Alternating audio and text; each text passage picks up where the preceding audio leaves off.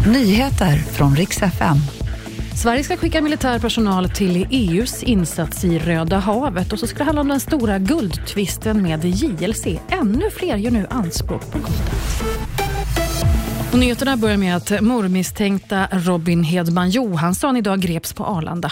Han har jagats över hela världen för mordet på två tonårspojkar i Sverige förra sommaren. Han är också misstänkt för att ha beordrat två 17-åringar att skjuta mot mc-klubben Bandidos och ska också vara lojal med Foxtrot-nätverket. Flera poliser väntade idag på Arlanda när han anlände och grep honom på plats. Sverige ska skicka militär personal till EUs insats i Röda havet. Det här säger försvarsminister Paul Jonsson idag. Det handlar om fyra stabsofficerare till att börja med, kan bli tio stycken och de ska ingå i den så kallade defensiva insatsen som har sitt högkvarter i Grekland.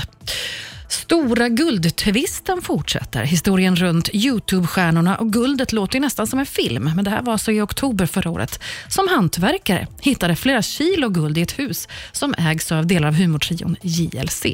Minst fyra parter tycker nu att de har rätt till det här guldet. Husägarna JLC, dödsboet som tycker att det är ett arv, hantverkarna som hittade det och nu också säljaren som alltså är en fjärde part utöver dödsboet. Mm, det här guldet är alltså värt 11 miljoner kronor och än så länge är det inte avgjort vem som är ägare.